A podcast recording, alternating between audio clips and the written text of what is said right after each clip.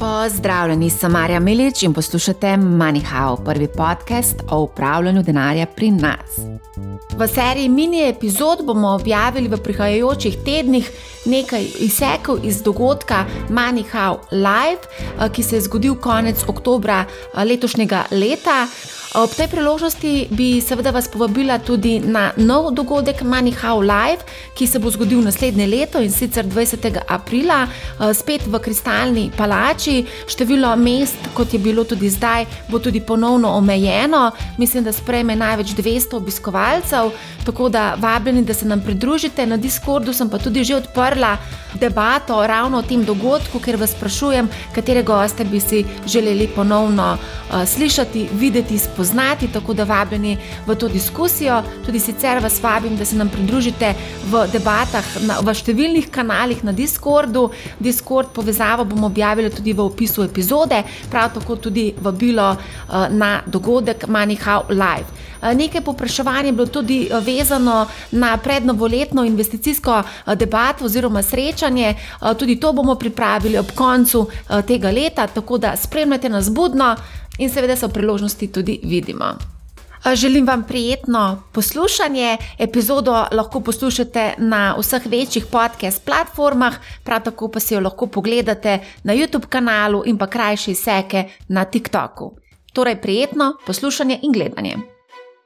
Stanje ni ravno najbolj rožnato, ampak prepričana sem, da je zelo veliko priložnosti in o tem se bomo danes tudi pogovarjali. Na odr, vabim Dajmen, Mrlak, izvoli, kar vse zraven mene, ja, seveda. Potem Blaž Hribar, član uprave pokojninske družbe A, Blaž, ste tudi že imeli večkrat priložnost slišati na podkastu, Andraž Brili, z njega ste že spoznali, evo in Andraž Grahak. Tako da najlepša hvala vsem, da ste prišli na dogodek. Zelo sem vesela, da bomo danes lahko klepetali. Letos je kar precej v bistvu delnic upadlo za 60-70%, 80%. Je zdaj to priložnost, da se investira v te delnice, mogoče um, um, Damjan? Večinoma ne. Ker uh, večinoma te delnice, ki so upadle za toliko, kot praviš, so upadle z razlogom. Ne? Zato, ker so bile prej toliko preveč vredne. V bistvu so zdaj samo padle na, na, na neko bolj realno vrednost, pa pri marsikateri mogoče. Vem, če gledamo recimo konkretno delnico Tesle, se mora še vedno vse idealno zgoditi, da bo čez deset let upravičena ta valuacija, ki jo danes ima. Um, vse lahko, da se bo, ampak če gre karkoli narobe, je valuacija totalno neupravičena. Zdaj, vse te ostale, ki so bile pa zelo popularne, razni zumi eh, in vse, to je bilo pa itak eh, COVID-manija in eh, ljudje so bili doma, v Ameriki so dobivali čeke in nekam so morali dati in so gambljali na borzi. In zdaj teh čekov ni več, denar je treba nazaj vzeti, ker so ugotovili, da če naprintaš denar, pa ga kar razdeliš med ljudi, pride inflacija. Um, prej so to delali deset let, sam je bila ena bistvena razlika da tega denarja niso dajali ljudem. Ne. Ta denar se je sicer ogromno denarja se je naprintal v obliki eh, quantitative easinga, ampak eh, ta denar je šel na neke balance sheete in tam je ostal. Če ti ne daš tega denarja dejansko, ta helikopter manj, kot je Brnenki takrat eh, to izumil, um, to, kar so zdaj naredili. Če ti dejansko ne daš tega, dejansko neposredno ljudem, potem ta denar v bistvu ne pride um, do splošne populacije in v bistvu ne lovi tistih uh, dobrin, ki, um, ki jih CPI, to je v bistvu ta indeks inflacije, ki je tudi uh, na nek način zgrešen meri. Ne. Za inflacijo sicer je, ampak druge. Ne na kruhu, pa mleku, pa ne vem, transportu, pa tam to, kar CPI meri. Ampak, ne vem, če gledamo luksuzne avte, koliko je deset let nazaj stal en res dober uh, športni avtomobil, pa koliko stane danes. Prav, tukaj je inflacija verjetno 100-odstotna letna, če gledaš to. Koliko stane, ne vem, eh, prestižna nepremičnina. Ne koliko stanejo take stvari. To, to, je, to je vsako leto je 20 odstotkov več. Če sem kupil stanovanje v Dubaju, danes je dve leti kasneje vreden 50 odstotkov več. Če, mislim, a ga boš prodal? A kje, kje CPI meri to? Ne, to ne meri, tudi, Ja, naš, eh, tudi ampak- pri nas eh, tega ni, ne? v indeksu uh, Ne, ne inflacije. bom ga se- prodal, ker kaj, se je tudi drug, če bi ga hotel kupiti, je vreden 50 odstotkov več in kaj ne. No, ampak to se Razen, če ga ne bi več povedal. želel imeti. Jaz nepremičnine, se je verjetno, ne vem, s tem o tem že pogovarjal, ampak jaz nepremičnine vedno kupujem, če jih mislim uporabljati. Kot investicijo jih ne. Deset let nazaj si imel čisto drugačno logiko. Ja, seveda, izvoli Nikola Markovič, je tudi danes z nami stručko za ETF-e. izvoli Nikola. Čakaj, ne, moram ti dati mikrofon, to se vse snema, pridem do tebe. Živijo, moje ime je Nikola. Uh, vprašanje za Damjana, uh, ki si povedal, da trenutno si aktiven, da nimaš nobenih teh naložb. Ne? Kaj se pa mora dejansko zgoditi na trgu, da bi ti začel razmišljati o takih srednjeročnih, dolgoročnih naložbah? No? Ali je to sesutje trga, ali Ja. umiritev? Ja. Mislim, če bi zdaj se zgodil, jaz mislim, da je zelo velika verjetnost, da se zgodi nek 2-8 event, tisti tist kreš, ko pride, ne vem, ko pride en dan minus 10, drug dan minus 5, v tem smislu. Če pride do tega, ok, grem mogoče celo all-in, spaj, ETF in pff, pustim. Pet let. E, če pa ne pride do tega, pa aktivno trgujem, dokler ne ne bo mogoče situacija nekako se umirila. Ja, jaz bi rekel tako, če ne pride do tega, bi rekel, da takrat, ko se inflacija umiri. Pa ko mogoče, um, se pravi, če se umiri inflacija, pomeni, da, da ne bodo več višali obrestnih mer, oziroma jih bodo verjetno spet dali na nulo, takoj, ko bo to možno. In to je pa free money za market, takrat gremo spet gor in life is good in to je to. Mogoče bi Blaž še lahko povedal kot upravljalec, sicer bolj konzervativnih naložb, ampak vsem. Kako pa ti gledaš na to? Na kaj? Ja, na investiranje, kdaj, kdaj iti v zgodbe, kako iti v zgodbe, v katere zgodbe, kako iščeš, kako loviš priložnosti. J- Jaz prihajam iz pokojninske družbe, ne? torej nalagamo za naslednjih 10 let, 20 let, 30 let za vaše pokojninske prihranke. Uh, torej, aktivno ne trgujemo na dnevni ravni, ne? ta visoka volatilnost nam prej ne godi, kot pa godi. Ne? Uh, in zmeriščemo nekaj, kar bi bilo na nek sreden rok zanimivo. Ne? Torej, naložbene kategorije, a so to nepremičnine, a so delnice, a so obveznice, oziroma znotraj tega, kaj bi to bilo.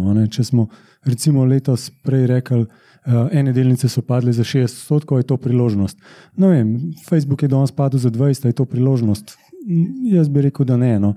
Razlog, da so bile te delnice tako drage, je v desetletju ekstremno nizkih obrestnih mer, čekov, kot je omenil uh, uh, gospod Merlak, in podobnih uh, ukrepov, ki so napihovali vrednost sredstev. Je to stanovanje v Dubaju, je to Bitcoin, je to delnica uh, Tesla. Čist neč važen. Vzrok je bil enak. Ljudje so imeli denar, ki so ga želeli potrošiti, niso ga mogli, so ga investirali. Kaj? Tisti, ki je bil najbolj popularen, tisti, ki je bil najbolj zarasel. To ni novo, vedno znova je tako. Ne? Jaz sem začel svojo kariero, recimo tam 2004-2005, leta 2007 smo mi vsi mislili, da bomo milijonari do poletja 2008. Ne, pa je prišel pa september, pa november, pa je bilo pa konec vsega, evo, še zdaj sem klele. Um, tako da gospod je imel bistveno več sreče, bi jaz rekel, na tem področju. ne. Um, to je bil tisti naš kriptomanija, ne? takrat je bil Balkan. Ne? Um, takrat se spomnim, da smo se tako pogovarjali o balkanskih delnicah, kot so se nekaj časa nazaj, o, o kjer kriptožeton ali pa kje, kaj zanimivega. ne. Tuče. Pa tudi jaz. Ja. Super, velikih je veliko izgubil takrat na Balkanu. Mislim, da je bila to kar dobra šola, recimo, vem, za, za mojo generacijo, takrat, ko smo v bistvu kot uh, neizkušeni uh, začeli vlagati v Balkan. Ne, in v nekem trenutku se nam je zdelo, da pač mogoče tudi čez pet, deset let ne bomo rabili, pa še prej. Neč več delati, ne, smo po, po dis- diskotekah peli in proslavljali vse to. In to, in to me je zdaj spomnilo na to, kar se je zdaj dogajalo z, v, s kriptovalutami, da je v bistvu se čist ponovila ta zgodba, kot je bila tudi takrat 2006-2007, ko smo mi vlagali kot študentje v, v balkanske uh, delnice. Zato sem bil jaz, uh, v tem trenutku, mislim, v, v obdobju Bitcoina bolj konzervativen uh, in nisem stopil na ta, na, na ta vlak. Uh, če mogoče malo pokomentiram, uh, kaj se tiče nepremičnin, recimo, kdaj bi bil pravilen vstop ne, za nepremičnine, je vedno tako. Ne. Vsi tisti, ki služijo z nepremičninami in delajo neke razlike, vedno pač pravijo, da je treba nepremičnine kupovati izredno poceni. ne. Zdaj, teh, trenutno, v tem trenutku je teh priložnosti izredno malo, ne, Uh, ne pri stanovanjih, ne pri nekih zemljiščih, ne pri nekih poslovnih stavbah. Vsi zdaj čakajo na neke dogodke, ki bodo zamajale na splošno gospodarstvo, podjetja, posameznike in čakajo na to, da bodo te podjetja in posamezniki bili primorani prodajati svoje sredstva, svoje nepremičnine in takrat jih kupovati poceni in potem ustvarjati neke uh, razlike. Ne. Vsi v bistvu malo tudi na nepremičninskem trgu in nepremičninski investitorji čakajo te priložnosti, da se bo s trgom nekaj zgodilo. Ne. Prej nam je Matej pokazal panoge, letos v bistvu je samo energetika tista, ki je v plusu, vse ostalo je v minusu. Kako pa gledamo, Damjan je omenil luksuzne dobrine, luksus v obdobju, takem kot je zdaj in po obdobju recesije, se zelo dobro obnese. Kako je zdaj s tem? Kako ti gledaš na, na panoge? S čim? Kako gledaš na panoge, kako, gledaš, kako se ti zdi, da bi panoge lahko, v, katere panoge bi lahko A ja, v, na splošno, na splošno, panoge? ja. Pa predvsem pa ta luksuz. Mislim, energetika je zdaj ja, aktualna zaradi, zaradi dogodkov, zaradi uh, drage energije in vse, kar je na to vezano, je donosno. Um, druge panoge, tehnologija je, je na udaru. V bistvu, ne vem, zdaj, če bi razmišljal v tej smeri, jaz zdaj ful nimam odgovora na to, no, tako pripravljenega. Ampak zdaj, če bi mogel razmišljati, pa ne vem, bi, bi se verjetno fokusiral na inflacijo, pa katera panoga je najbolj nekako, uh, a ne, zdaj katera je verjetno neke potrošnje, neke dobrine, dobrine, ki jih v bistvu ljudje vsakdanje rabijo, in podjetja, ki to proizvajajo. Andraša, se nam boš kaj pridružil, Grahak? Jaz bom tako rekel, mogoče se vrnil celo nazaj, uh, um, uh, kar se tiče, rekel, malo nepremičninskega trga. No? Sam tako, kot tam brat začel. To je vprašanje bolečine, ne, ki jo je treba povzročiti finančnim trgom. In sicer tako, v Ameriki je ravno danes bila novica, da je 30-letna fiksna obrestna mera za hipotekarne kredite presegla uh, 7 odstotkov. To je, ta, to je ta prva informacija, ki bo v Sloveniji 7 odstotkov, sploh ni važno, se kaj gradi na trgu. Ne, Ne, bo Cene 7 bojo odstotkov, bo vse gorelo v Sloveniji. Tako, tako. Zdaj, mogoče, kar je še zanimivo, veliko smo govorili o tem, da um, dohodki še vedno rastejo v Sloveniji. Mene to ful spominja na leto. Pred letom 2008, ko smo imeli tisto slovito Virantovo plačno, ko bi rekel, povečanje v javnem sektorju, ko sem pol minister Virant, če si tisti ga ne poznate, bil minister za javno upravo in je pač povečal plače v javnem sektorju in seveda smo pol vsi še učiteljsko skrizo, da je povzročil nenormalno veliko luknjo v javnem proračunu. Tako občutek imam, da se da, upam, da se nam nekaj podobnega ne dogaja zdaj. Tako da zmer, ko gledamo te stvari, gledamo v zratno ne. Um, pa pa še ena stvar, mislim, da tudi Marja ste vi pisali, tudi ste delali preglede nakupov teh sosedsk nepremičninskih, da večina nakupov je bilo brez hipotekarnih posojil, torej so jih kupovali ljudje, ki so denar zaslužili v neki drugi dejavnosti, bolj premožni ljudje. ne. Ampak te ljudje so, še zlasti pospešek je tukaj bil tudi delno zaradi pač te zgodbe nizkih obrestnih mer, inflacije, ležarin in gor dol. Ampak tudi pri teh kupcih ne, se zdaj pojavljajo neke alternativne naložbe s fiksnim donosom in drugi, kjer pa mogoče te nepremičnine spet ne izgledajo tako zanimive, kot so. Da jaz mislim, da malo goriva zmanjkuje na teh momentum trgih in naložbah in to je vključovalo in nepremičnine in te delnice določene, zlasti pač, mo rekel, ta tehnološki sektor je bil tukaj v ospredju, tako kot je Damir rekel. In v bistvu zdaj. Mislim, da se zelo pridružujem njegovemu mnenju. Mi smo zdaj na neki točki, kjer imamo dve možnosti. Ali bo ta balancing act zategovanja monetarne politike in ekonomskega upočasnevanja deloval, pa se bomo klekle malo zazibali in ustalili, ne? ali pa bomo šli še enkrat čez rob čez. To je pa lahko ta scare moment. In zdaj, kaj bo to za Slovenijo pomenilo? Nič takoj in neposredno, ampak prek večjih posrednih dejavnikov, ki se bodo pokazali skozi naše izvozno okno. Ker to, kar zdaj vidimo noter, je neka kičasta, akumulirana slika zadnjih desetih let. Veliko denarja se vala po bankah, plače za nazaj izgledajo super, državni proračun niti ni tako problematičen. Um, mislim, da ima celo to smela pa ti podcast zanimiv z gospodom Divjakom, če se spomniš. Mislim, da ima zakladnica 7 ali 8 milijard presežnih sredstev na voljo za servisiranje dolga, ker so seveda noro izkoristili pa v unih časih, ko so bile zelo nizke obrestne mere. Torej, za nazaj imamo veliko zaloge, za naprej pa ne vemo, kaj nas čaka. In mislim, da je tle še zmer ta, ko bi rekel, porota odloča o tem, ali je zdaj bilo to, to pa so se dosti prilagodili tvega naložbe, grejo lahko še nižje. Uh, predvsem v bolj občutljivih sektorjih, kjer ni pozitivnega denarja toka ali pa tehnoloških. Vem, poglejte, da primer, ta teden smo imeli objave. Google bo zmanjšal zaposlovanje in celo ukinil določene naložbene projekte.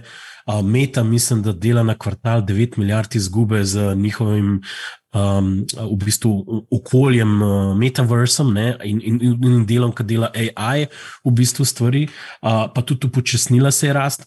Tako da jaz mislim, da pač bomo enostavno videli. Zdaj, en kvartal, dva, noč v resnici ne pomeni v dolgoročni sliki, ampak če se pa to mal prekucne naprej. Potem je pa lahko stvar bolj problematična. In potem gremo lahko še en nadstropje niže, to je pa po mojem to, kar Damien govori na nekih trgih, to, tukaj, po mojem, če smo lepo na SP-u 3800, 3900, verjetno v teh primerih lahko govorimo kar okrog 3000 točk. In pač neki scenarij, neka verjetnost tega še vedno je. In zdaj pa nihče v bistvu ne ve, prihodnosti ne poznamo. Zato jaz mislim, da sploh če imamo dolgoročen pogled, čez deset let bo to, po mojem mnenju, ne bo tako pomembno za nekoga, ki bo pač ne vem, redno nekaj dejal v vrčevalni pršiček. Ne? Za nekoga, ki pa, rekel je, še zdaj taktično v denar in išče svojo priložnost, pač ta, to pa razumemo, pač pa išče nek bottom fishing moment, po domač povedano. To je pač iz druga strategija. In zdaj, če nimate časa se s tem ukvarjati, pač pejte lepo počasno, že na trg, ker timing, timing bo težko zadetno po mojem mnenju. Ja, to je res. To, je res ja. to pogosto slišimo od malo neizkušenih investitorjev, da lovijo dno, oziroma lovijo vrh, in potem nikoli ne zadanejo, oziroma zadanejo glih tisto, kar ne bi smeli zadeti, in potem se jim borza zameri in pride potem čez deset let spet nazaj na borzo, ko je vse na vrhu, in spet potem naredijo napako in v tem začaranem krogu. Mogoče sem tako. En zelo pomembna stvar tukaj v bistvu je sentiment. Sentiment, po mojem mnenju, se še ni zlomil. Še vedno vsi govorimo, kako ni tako hudo. Ne? Uh, bom tako rekel, še vedno se po enem mesecu, ki se obrnejo delnice, vrne nazaj denar in vidimo prilive v investicijske sklade. Jaz vam povem, takrat, ko je bilo 2,8 pa 2,9, ni bilo nikogar, ki bi hotel v delnice investirati. To je bilo obdobje, kjer so rekel, ljudje vstopili na trg z namenom, da bojo še šortali in še zaslužili. Takrat je bilo obdobje, ne vem, če to poznate, toliko ne, danes so bolj v uporabi uh, trikrat, neko tri times ETF-i v plus ali pa v minus ne. Takrat so prihajali ETF-ji, ki so bili dvakratnik na vzvodu v negativno smer, double short, triple short. Ta glavni šport v Sloveniji je bil 2728 med upravljalci, kjer triple short ETF bomo kupili, ker se vse skupaj šlo k hudiču. Ne. Sam da vam pač tega jaz zdaj ne vidim, tako še nismo. Zdaj sta pa dve možnosti, ali ne bo tako hudo in pač, če to je tako brezvezna anekdota in fino, jaz jo poznam in zdaj zvenim pameten, ali pa mor, moramo tja še pridati in to bo pa pomenilo še kakšen let, dve zelo tako duhomorne, ker ponavadi je tako, ker se dno naredi, ko se odbije, res nihče ne verjame, da se je naredil dno. Zdaj smo pa v bistvu še zmeraj 60%, 70% se mi zdi ljudi prepričanih, tako, ki malo spremljam sliko, pa sentiment, da zdaj, se je odbil, je mogoče to celo dno. Ne? Tako da mislim, da. Pač težko je vedeti, poznati prihodnost, to je dejstvo, ne? ampak pač neko tveganje, da gremo še malo globje, uh, s trgi obstaja in ni tako nezanemrljivo. Ne moramo reči, da je to brez veze. Tako da zaradi tega bi jaz rekel še zmeraj. Pač time-weighted averaging je zdaj strategija, pač lepo počasi nabiramo, nabiralniki smo zdaj, to je no, zdaj nabiralniško bo, gospodarstvo. Bo še blaž povedal? Ne, ho, hotel sem v bistvu potrditi nekako tako ali pa usvetliti še malo to, kar uh, je Andraš povedal in je definitivno uh, zelo te prava slika. No. Uh, Um, to, kar se je letos zgodilo ne, na delniških trgih, to ni ta pravi padec na delniških trgih. To sploh ni noben padec. Ne. To je 15 postov, 20 postov, približno o tem se pogovarjamo. Potem pa, ko greste gledati, kaj je padlo, ni padla orožarska industrija, ni padla letalska industrija, kar dela tudi letala za, za vojsko. Uh, naftna industrija, na, najdonosnejša delnica, ki jo imamo mi v portfelju, je ena največjih naftnih družb, ExxonMobil letos je plus 60 odstotkov. Zakaj? Zato, ker LNG dobavljajo v Evropo. Okay. Ena, delni, ena od delnic, ki je pa najbolj padla, oziroma ima največji minus danes, ki sem pogledal, je pa Meta oziroma Facebook. In uh, taj pa ne vem, bolj da ne pogledam, koliko je, minus 70 ali koliko. Uh, skratka, hočem reči, ena je zrasla za 60, ena je padla za 70. Zakaj se je to zgodilo, boje? Ja, zaradi dogodkov. Ne? Ključen dogodek, ki se je zgodil, je drastična rast obrestnih mer. Take rasti obrestnih mer centralnih bank ali na trgu v zgodovini v Ameriki ni bilo od, od nikoli. V Evropi, v evroobmočju, nikoli. 400 pik v manj kot enem letu, to, to je nepredstavljivo bilo. Ne? In od tukaj ste dobili drastičen padec obveznic, ki so matematično pač najbolj enostavno, najlažje razložim. Zato je desetletna slovenska državna obveznica, veste, koliko je upadla v zadnjem letu vrednost? 27 odstotkov, pa ste nekaj malega obresti dobili, pa ste na 25 odstotkih minusa. Slovenska država Koliko je pa ne. eh, slovenske? Yield je bil minus 0,15, zdaj pa 3,5. Ne? Desetletne. Ne?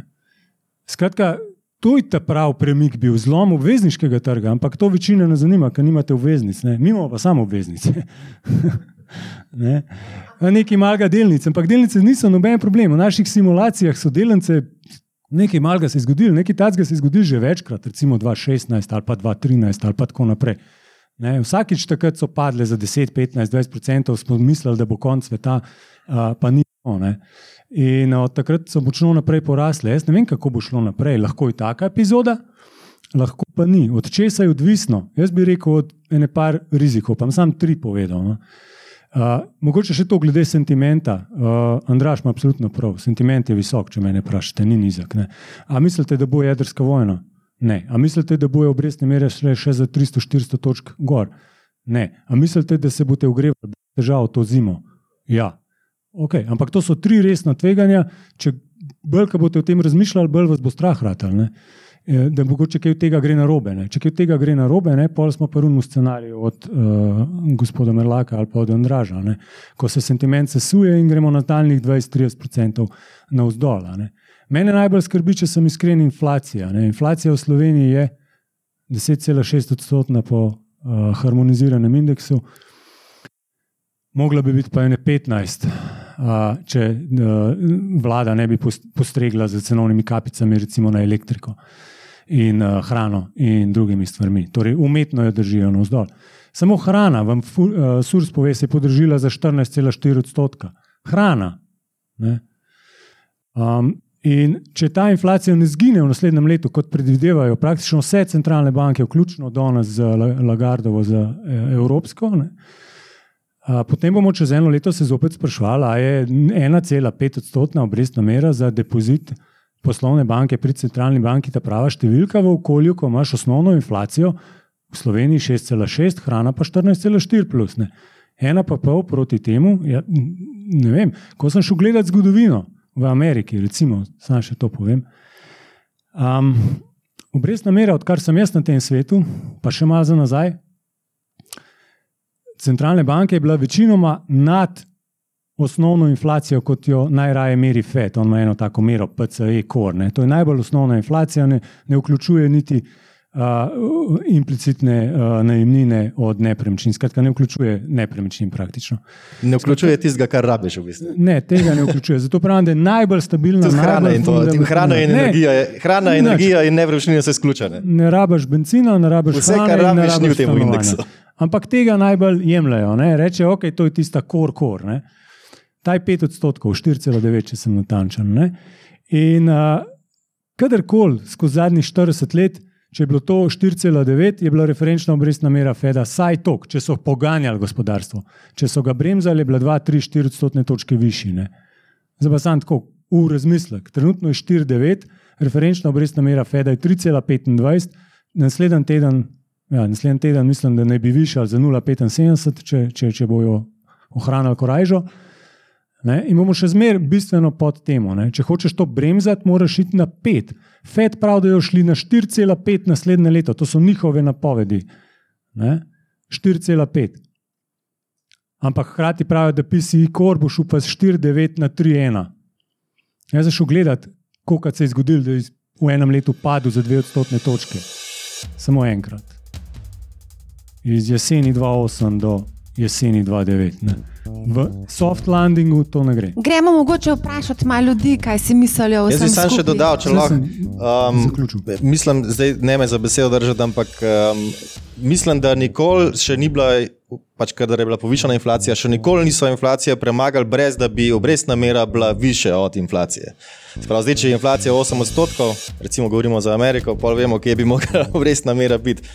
Lahko da inflacija začne padati, pa pride na 5, pa potem ne, bo na ta način višja. Ampak če ne, bodo morali iti na 8. To bi izpostavil, recimo, tudi jaz kot ključno tveganje za naslednja leta. Kaj pa vi mislite, kakšne so kaj tveganja, kako vi gledate na naložbe? Lahko poveste? Trenutno, kot ste gospoda povedala, drse gotovine. Čakaj v denarju na priložnosti. Kaj pa mogoče ti? Probamo DCA-jati, zdaj pa bomo videli, kaj bo, če bo zadost kapitala, do, dokler se bo obrnil. Zanimivo, evo. Odlično. A lahko še vas vprašam? Uh, dolar cost averaging. Toliko za danes, kmalo prihaja nova epizoda. Poslušajte Manihau, ne bo vam žal in lep pozdrav.